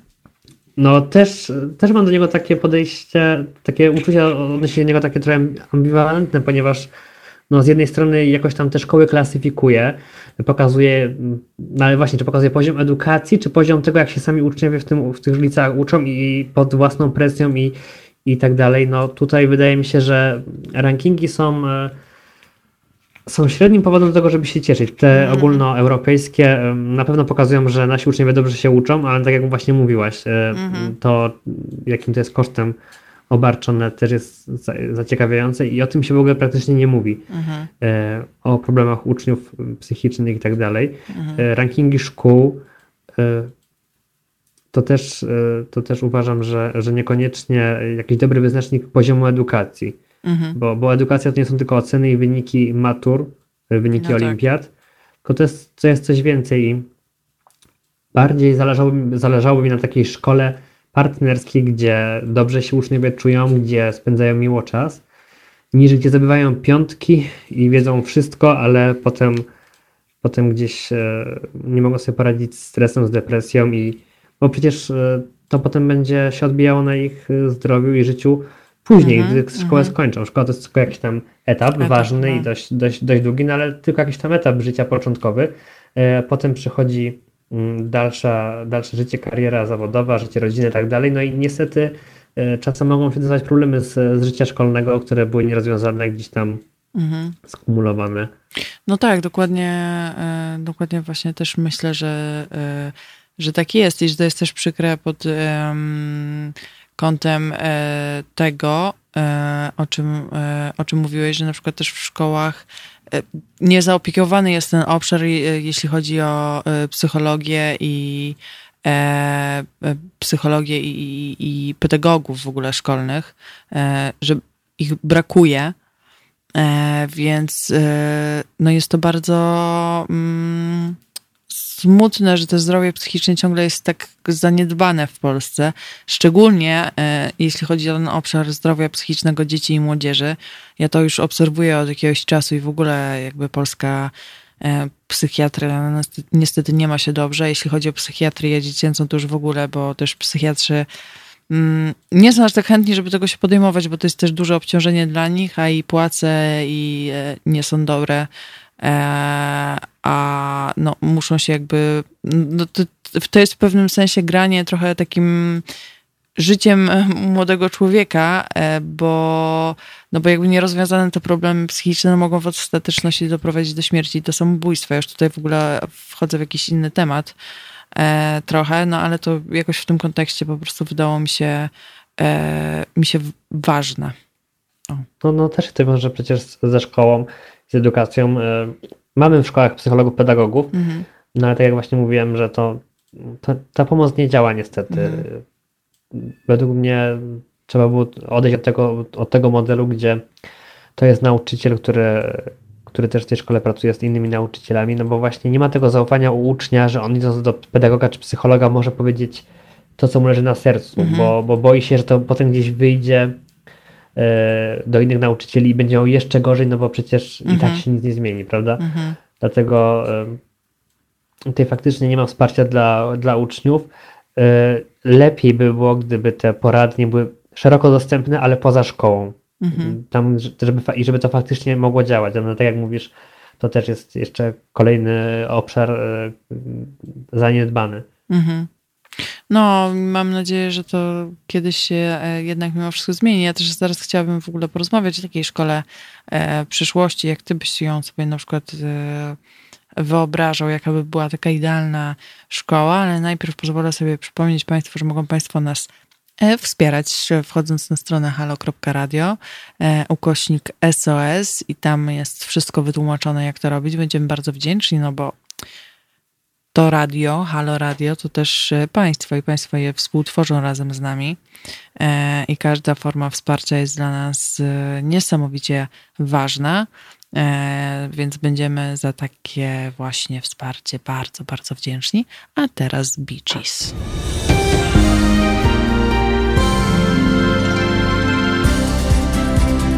Halo Radio. Pierwsze radio z wizją.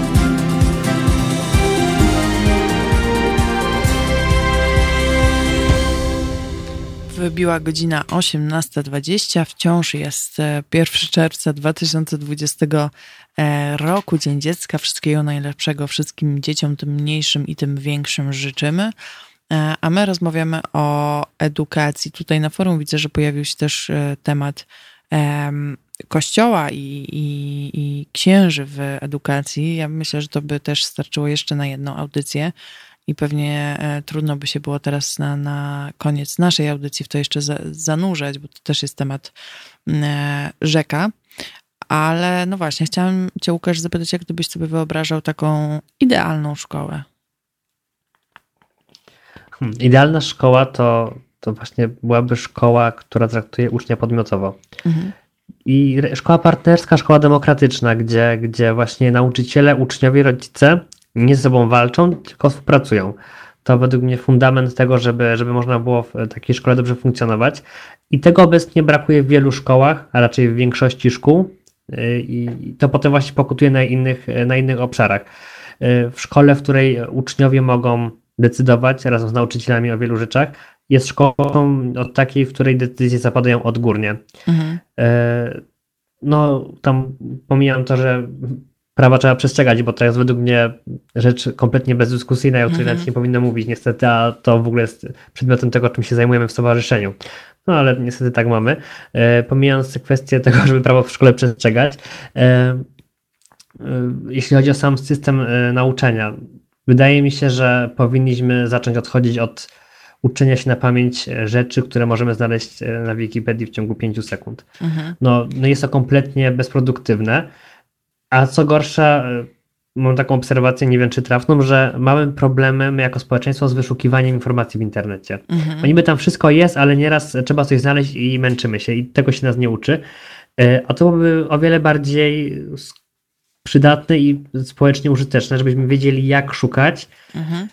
y, zamiast uczyć się tego na pamięć. No bo skoro to wszystko jest teraz w internecie i no nie oszukujmy się, nie wróci już społeczeństwo y, takie, jakie było 20 lat temu, y, analogowe. Już jesteśmy społeczeństwem mhm. cyfrowym i to będzie się tylko rozwijało i będzie mhm. tylko postępowało i naprawdę nie ma się co oszukiwać, że kiedyś będziemy w, w miejscu, w którym nie ma komputerów i nie ma internetu i nie ma dostępu do szybkiej wiedzy. To mhm. już jest i z tego po prostu trzeba się nauczyć korzystać. Mhm. Dlatego szkoła, która e, uczy, która każe się uczyć na pamięć setek różnych dziwnych rzeczy, które wcale nie są potrzebne do, do tego, żeby, e, żeby dobrze funkcjonować w społeczeństwie, mhm. e, jest, jest, jest niedobra i poza tym powinniśmy trochę przejść na metodę taką bardziej projektową współpra- uczenia współpracy no. i tego, żeby. No właśnie, propos to wyszło teraz nauczenia, nauczenia zdalnego. No okazało się, że sprawdzianej kartkówki w formie zdalnej ciężko zrobić uczciwie, żeby tam nikt nie ściągał. Różne dziwne pomysły nauczycieli z, z, z jakimiś kamerkami mhm. i tak dalej, z jakimiś zdjęciami, żeby to obserwować. No, nie zdałem egzaminu i umówmy się, e, teraz jest taki czas, gdzie właśnie uczniowie się uczą współpracy tego, jak razem pisać sprawdziany. Mhm. No, czy jesteś w tym złego? No, z punktu widzenia obecnego systemu, no to, to, to jest złe, ale tak ogólnie na to spoglądając możemy stwierdzić, że chyba, że może niekoniecznie to jest, y, to jest złe. Y, I myśmy też sugerowali y, na początku nauczania zdalnego, żeby właśnie wykorzystać to, to, to co mamy teraz w edukacji, na wprowadzenie innych metod zaliczania przedmiotów. No przecież mhm. niekoniecznie musimy mieć zawsze sprawdzian, który trzeba pisać indywidualnie, bo raz, że w takich warunkach no, nie jesteśmy w stanie zagwarantować mhm. E, tego, że to będzie praca samodzielna i ona w 90% nie będzie samodzielna. No, no nie. nie. ma się co łudzić, że uczniowie sobie tam na Messengerze, Discordzie czy gdzieś indziej na Skype'ie nie, nie pomagają. Poza tym Zamiast tego można prowadzić. Nauczy... Często rodzice im pomagają w rozwiązywaniu no tak, tych zadań. Tak. Więc... Zamiast tego można wprowadzić zadania zaliczeniowe bardziej rozbudowane, projektowe, które niekoniecznie wymagają wiedzy takiej bardzo, bardzo e, dokładnej, szczegółowej, ale które pozwalają tę wiedzę, która jest dziś dostępna, e, w przystępny sposób wykorzystać, jednocześnie pozwalając się wykazać jakimiś innymi umiejętnościami. I według mnie to też jest model, do którego powinniśmy zdążyć jako jako społeczeństwo i takiej szkoły byśmy powinni, powinniśmy oczekiwać. E, nie, nie szkoły testowej, kartkówkowej, mm. tylko szkoły projektowej, szkoły uczącej e, czegoś więcej niż, e, niż dat, wzorów, liczb i tak dalej. No ale też to, co mówisz a propos tej, tego, że można sobie wyszukać łatwo, to we mnie się odzywa nie wiem, czy pozostałość jakiegoś opresyjnego systemu, czy po prostu troll, ale wyobrażam sobie, że zaraz się mogą pojawić argumenty, że no, no ale przecież e, trzeba mieć jakąś ogólną wiedzę o świecie, e, bo to też e, nie wiem, znajomość historii uczy nas jakiegoś tam myślenia perspektywicznego i tak dalej, i tak dalej. E, no i jak to tak, że tak wszystko sobie wyszukamy? Jakbyś y, trochę e, właśnie konkretnie opowiedział, jak ty byś to widział. No, no na tym przykładzie trochę może historii powiem, bo mhm. E, wymaga się od uczniów znajomości dat. I to już nieraz są jakieś kartkówki, gdzie chyba kartkówka z samych dat na historii. Tylko no, co z tego, że uczeń będzie wiedział punktowo, co kiedy się stało, jeśli nie będzie rozumiał procesu, który zachodzi. Daty sobie zawsze łatwo sprawdzić, bo wystarczy pisać rozbitwę pod Grunwaldem i mamy zaraz daty i postaci i tak dalej, ale ważne jest to, żeby nauczyć go, dlaczego doszło do bitwy pod Grunwaldem, o co w tym chodziło, jakie były E, jakie były jej skutki, dlaczego w ogóle tak się stało, czy to, czy wygraliśmy, czy przegraliśmy, dlaczego, e, co, co można było zrobić inaczej, czy jak to w ogóle ocenia, jak to można oceniać w kontekście dalszej historii Polski, bo takich prostych rzeczy, jak właśnie daty postaci, no, to można łatwo sprawdzić, a e, warto uczyć rozumienia uczniów e, tego procesu. Na mhm. języku polskim też kartkówki z lektur, no, z treści, prawda? Nieraz jakieś mhm. szczegółowe pytanie, jaki kolor sweterka miał. I miałem taką raz kartkówkę, na której właśnie było pytanie, jaki był kolor swetra fauna tumnusa z opowieści z Narni. Mhm. jako sprawdzający, czy przeczytałem lekturę. Że w życiu bym sobie tego nie przypomniała. Chyba szalik, szalik, chyba czerwony był ten szalik, mhm. tak jak pamiętam.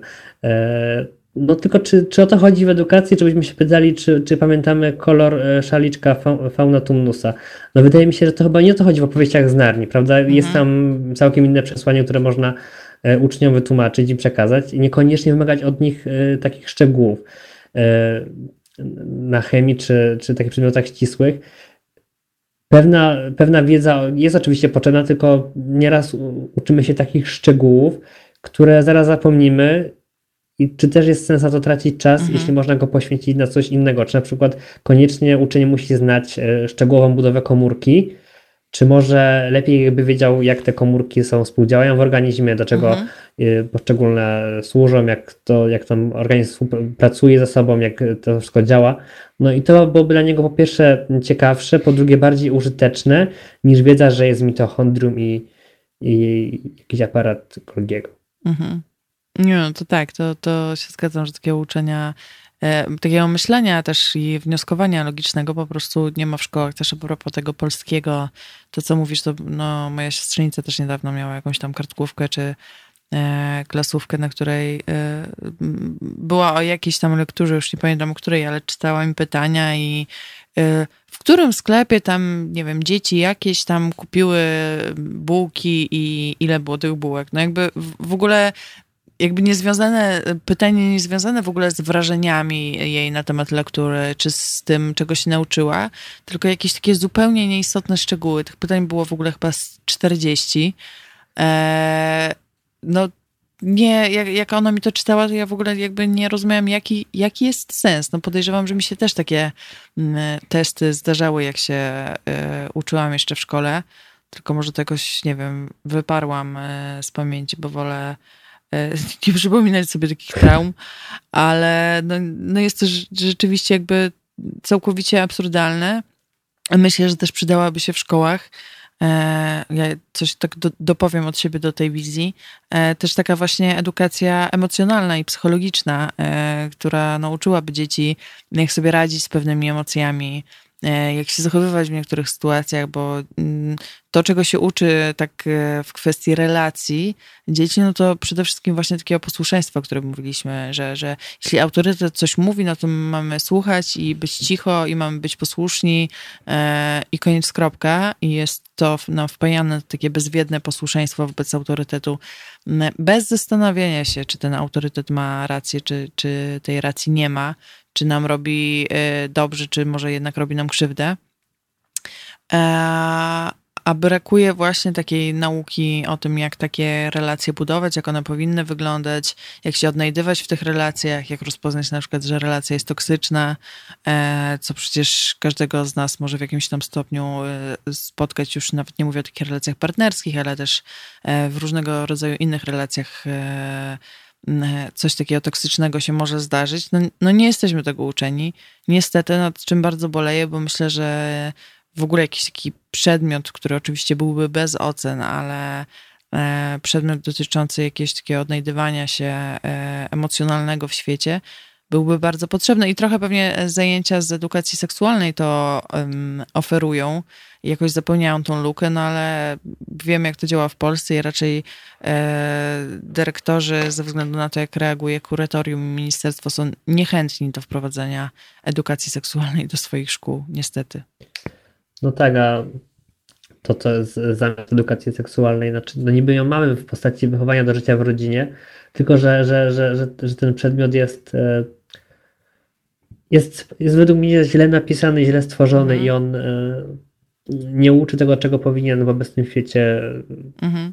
uczyć. Jest, jest trochę przestarzały i mm, ta nauka, i on też jest traktowany przez uczniów bardzo po macoszemu, no, w związku z tym, że raczej nie spełnia ich oczekiwań, i mimo że tam pojawiają się jakieś treści dotyczące mm, emocji i psychologii, to one albo są pomijane, albo jak już są, to po prostu nikt tego nie słucha, no bo, bo ogół przedmiotu jest jakby, jest jakby jest jakby źle prowadzony, więc nie ma jakby też takiego pozytywnego mhm. nastawienia do tego. Także taka nowoczesna edukacja seksualna połączona z edukacją psychologiczną, e, emocjonalną byłaby jak najbardziej potrzebna i, i też trochę e, powinniśmy odejść od tego tradycyjnego podziału przedmiotów na polskie, matematyka, mhm. historia i tak dalej, a wprowadzić e, nowe przedmioty, niekoniecznie przedmioty z ocenami, tak jak mówisz, ale zajęcia, które kształciłyby kompetencje potrzebne w, w świecie dorosłym takie, które przydadzą się każdemu, bo tak jak mhm. mówisz, e, nauka o relacjach, każdemu się kiedyś przyda, czy to w życiu e, rodzinnym, czy chociażby zawodowym, czy jakimś mhm. partnerskim i to się każdemu przyda, a na przykład budowa e, komórek nie każdemu już, tak? I są mhm. takie przedmioty, które faktycznie e, powinny być e, prowadzone pod kątem nie ocen, nie zdobywania wiedzy, a kompetencji i umiejętności. Mhm, mhm.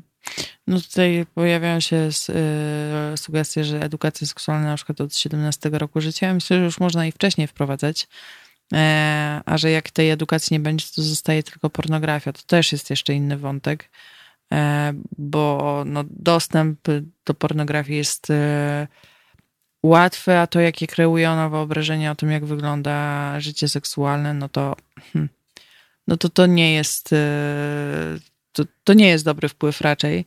E, bo ma się jakieś błędne wyobrażenia. No właśnie ktoś przeczyta, czy nie za późno. No ja uważam, że powinno się wcześniej już tą edukację seksualną e, wprowadzać. Nawet nie 15-latek, ale 10-11-latki, zapewniam Państwa, też już e, oglądają pornografię. Mimo, że wolelibyśmy Czasem... tego nie wiedzieć, ale tak jest.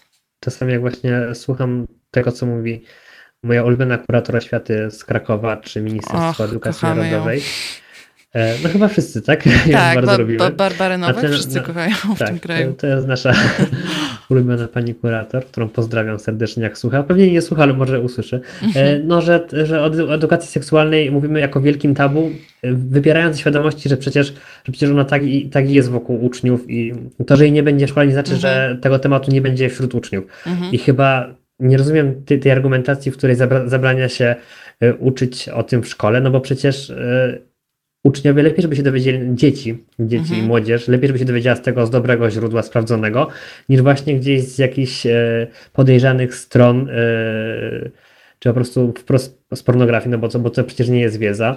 Mhm. E, i, I, nie rozumiem, dlaczego, dlaczego jest taki pogląd w społeczeństwie, który, e, który mówi, że, że wycofajmy edukację, nie wprowadzajmy edukacji seksualnej do szkół, no bo e, to, to będzie seksualizacja dzieci to, to, czy ta edukacja seksualna w szkołach będzie, czy nie, to w ogóle nie wpływa na to, czy dzieci mają e, i młodzież e, kontakt z tą sferą e, no, seksualną, tak? Bo, bo mhm. to przecież jest wszędzie i jest wokół i to też jest jakby naturalna kolej rzeczy i kolej tego jak rozwoju człowieka. Przecież nie da się zatrzymać w miejscu i czekać, żeby sobie każdy tam po 18 sam, nie wiem, się edukował w tym zakresie. Mhm. I to jest takie trochę zakłamywanie rzeczywistości, oszukiwanie samych siebie i chyba może to wynika trochę ze strachu, y, z tego, że, że, że dorośli boją się dopuścić myśl, że, że ich dzieci to tak nie do końca już dzieci i że, i że dorastają i, i to jest no i to jest, to jest szkodliwe dla samych, dla samych uczniów też y, no i ogółem dla społeczeństwa, prawda? No mhm. No bo to, to jak szkoły funkcjonują, to potem, tak jak mówię, to zawsze się odbija na tym, jak społeczeństwo funkcjonuje, bo bo to jak wychowamy sobie młodzież, w jakim ona systemie mhm. będzie dorastała, no to, to potem się będzie odbijało na życiu każdego z nas, bo wiadomo, że są osoby, które z tych e, szkolnych okowów różnych e, blokujących wyjdą, sobie z tym poradzą, ale jest część taka, mhm. która w tym zostanie już. Mhm. No właśnie tutaj też Aksjomant pisze, że im świetlejszy obywatel, tym groźniejszy dla władzy, tym mniej podatny na fałszywe podziały. No, w przypadku, kiedy władza nie, nie, nie działasz, by współpracować z obywatelami, a wręcz przeciwnie, no to rzeczywiście jest to dla niej e, korzystna sytuacja, kiedy e, obywatel też nie do końca e, ogarnia swoje prawa. I to też jest ta kwestia, o której już e, wspominaliśmy, że. Mm, no, że szkoła też nie uczy takich postaw obywatelskich po prostu i nie uczy tego, że można o swoje prawa walczyć i, e, i że nam jako obywatelom e, się coś należy najzwyczajniej w świecie, że mamy jakieś swoje prawa e, i że możemy z nich korzystać, że one powinny być e, szanowane przez e, innych, niezależnie od tego, czy to jest pan poseł z Sejmu, czy właśnie nauczyciel w szkole. Jakby to muszą respektować nasze prawa, po coś one są. No właśnie, no też mam takie czasem wrażenie, że po prostu władzy politycznej pasuje taki system edukacji, w której obywatel, w której kształci się obywatela biernego, yy, nie stwarzającego oporu, bo wtedy łatwiej się rządzi. No mhm. to jest taka smutna konstatacja, yy, ale chyba po części prawdziwa i wydaje mi się, że, że jak się tak spojrzy trochę z boku na, na całą edukację w Polsce, nie tylko w ostatnich latach, ale tak w tej dekadzie, w dwóch dekadach, że, mhm. że no faktycznie tak to trochę działa i że że, że obywateli aktywnych państwo nie chce. I szczególnie mhm. no teraz mamy taką sytuację, że model jest budowany państwa y, silnego i mniej obywatelskiego, no to tym bardziej te organizacje pozarządowe, y, jacyś aktywiści i tak dalej, no nie są mile widziani, bo, bo jest chęć do tego, żeby realizować jakąś tam jedną spójną wizję państwa, a nie żeby to mogli, a nie żeby obywatele mogli mhm. tę wizję państwa realizować razem z władzą. Mhm. No i to, to, to, to, to też niestety e, to się odbija na edukacji właśnie też, gdzie no, WOS jest przedmiotem teoretycznym, a nie praktycznym, mhm.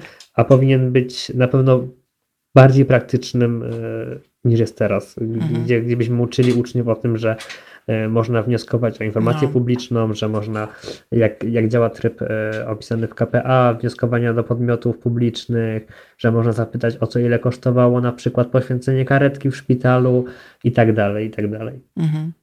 No a jakbyś tak na koniec miał powiedzieć jedną rzecz, która cię mimo wszystko w edukacji napawa optymizmem. Czy jest w ogóle coś takiego? Hmm. Ja Trudne właśnie, pytanie. Ja się właśnie śmieję, że ja niestety nie jestem dobrą osobą, która może mówić o plusach edukacji, bo spotykam się tylko i wyłącznie z sytuacjami patologicznymi i niestety to jest mój obraz edukacji, gdzie ja e, dzień w dzień słyszę o tym, co nauczyciele zrobili źle albo co nie funkcjonuje w szkole i niestety moje spojrzenie na ten temat jest e, bardzo jednostronne. Ale mimo wszystko, tak jak mówiłem wcześniej, że jest wielu świetnych nauczycieli i znam takich i miałem takich, którzy mimo wszystko, mimo e, presji otoczenia, własnego środowiska, mhm. E, mimo kuratorium, mimo ministerstwa, mimo nieprzychylnych nieraz dyrektorów, którzy chcą, żeby szkoła była jak najwyżej w rankingu, robią świetne rzeczy i starają się właśnie traktować ucznia partnersko. I mhm. to jest ogromny potencjał. Sami uczniowie też są ogromnym potencjałem i nauczyciele. I jeszcze ci, którzy nie są nauczycielami, aby mogli zostać, to jest bardzo duży potencjał, który mamy szansę wykorzystać. Tylko potrzeba nam odważnych zmian, tak mi się mhm. wydaje, odważnych zmian, ale naprawdę jest w społeczeństwie bardzo duży potencjał. Według mnie to jest duży plus dla, naszej, dla naszego systemu edukacji. Mhm. No, miejmy jakby nadzieję, że to się kiedyś zmieni, bo poza działaniem oczywiście aktywnym, co jest świetne, ja się w ogóle bardzo e, ekscytuję tym, że na przykład jest wasze stowarzyszenie i że działa i że coś robi dla uczniów, bo to jest świetna sprawa, no to właśnie pozostaje nam jeszcze nadzieja, e, że coś się, e, że coś się w przyszłości zmieni. Będę bardzo za to mocno trzymała kciuki i za to, żeby ci nauczyciele i nauczycielki, którym się jeszcze chce, żeby tej ochoty e, nie stracili, E, moim i Państwa gościem był Łukasz Korzeniowski ze Stowarzyszenia Umarłych Statutów. Dzięki Ci wielkie Łukasz. Bardzo dzisiaj. dziękuję za zaproszenie. Bardzo się cieszę, że mogłem wystąpić dzisiaj i porozmawiać z Tobą. Super. E, dzięki wielkie i do usłyszenia w przyszłości. Na pewno będę się odzywać do Ciebie jeszcze nie raz. E, no i trzymaj się i dobrego wieczoru. Dziękuję bardzo. Pozdrawiam wszystkich. Ja z Państwem też już się będę żegnać. Widzę, że został tutaj wspomniany e, magazyn Twój Weekend a propos tej pornografii, więc jeśli mam, no jeszcze mam parę minut e, do końca audycji, to zdążę się podzielić historią związaną z Twoim weekendem. Tak na koniec, mam nadzieję, że będzie ona dla Was tak samo zabawna, jak jest dla mnie. e, ale dzwonili kiedyś do mnie z jakiejś tam infolinii. Um, no nie wiem, to już było parę, parę lat temu. Dzwonił jakiś nieznany numer i e, powiedziano mi, że mogę wygrać e, laptopa czy coś takiego, jeżeli e, odpowiem na pytanie, z czym mi się kojarzy Twój weekend. No, chodziło o tenże magazyn, ale ja nie wiedziałam, cóż to jest za magazyn. E, więc mówię, dobra, dobra, odpowiem, spróbuję. Mówię, mm, no twój weekend kojarzy mi się no, z takim dniem w ogrodzie i spieleniem ogródka. E, no, jak się mogą Państwo domyślić, nie wygrałam tego laptopa, e, bo chodziło o coś zupełnie innego w związku z Twoim weekendem. Już później sobie zgoglowałam, co to za pismo. I już to wiem, już na zawsze pozostanie ze mną ta wiedza. E, no, ale co sobie o pieleniu ogródka powiedziałam, to moje. E, bardzo Państwu dziękuję za dzisiaj. E, na pewno jeszcze nie raz, nie dwa będziemy do tematu edukacji wracać, ale teraz był dwa razy, więc żeby było trochę takiego płodozmianu, za tydzień będzie coś innego, ale też to już za tydzień Państwo się przekonają, cóż to takiego będzie. E, dobrego wieczoru życzę, no i tak, do usłyszenia.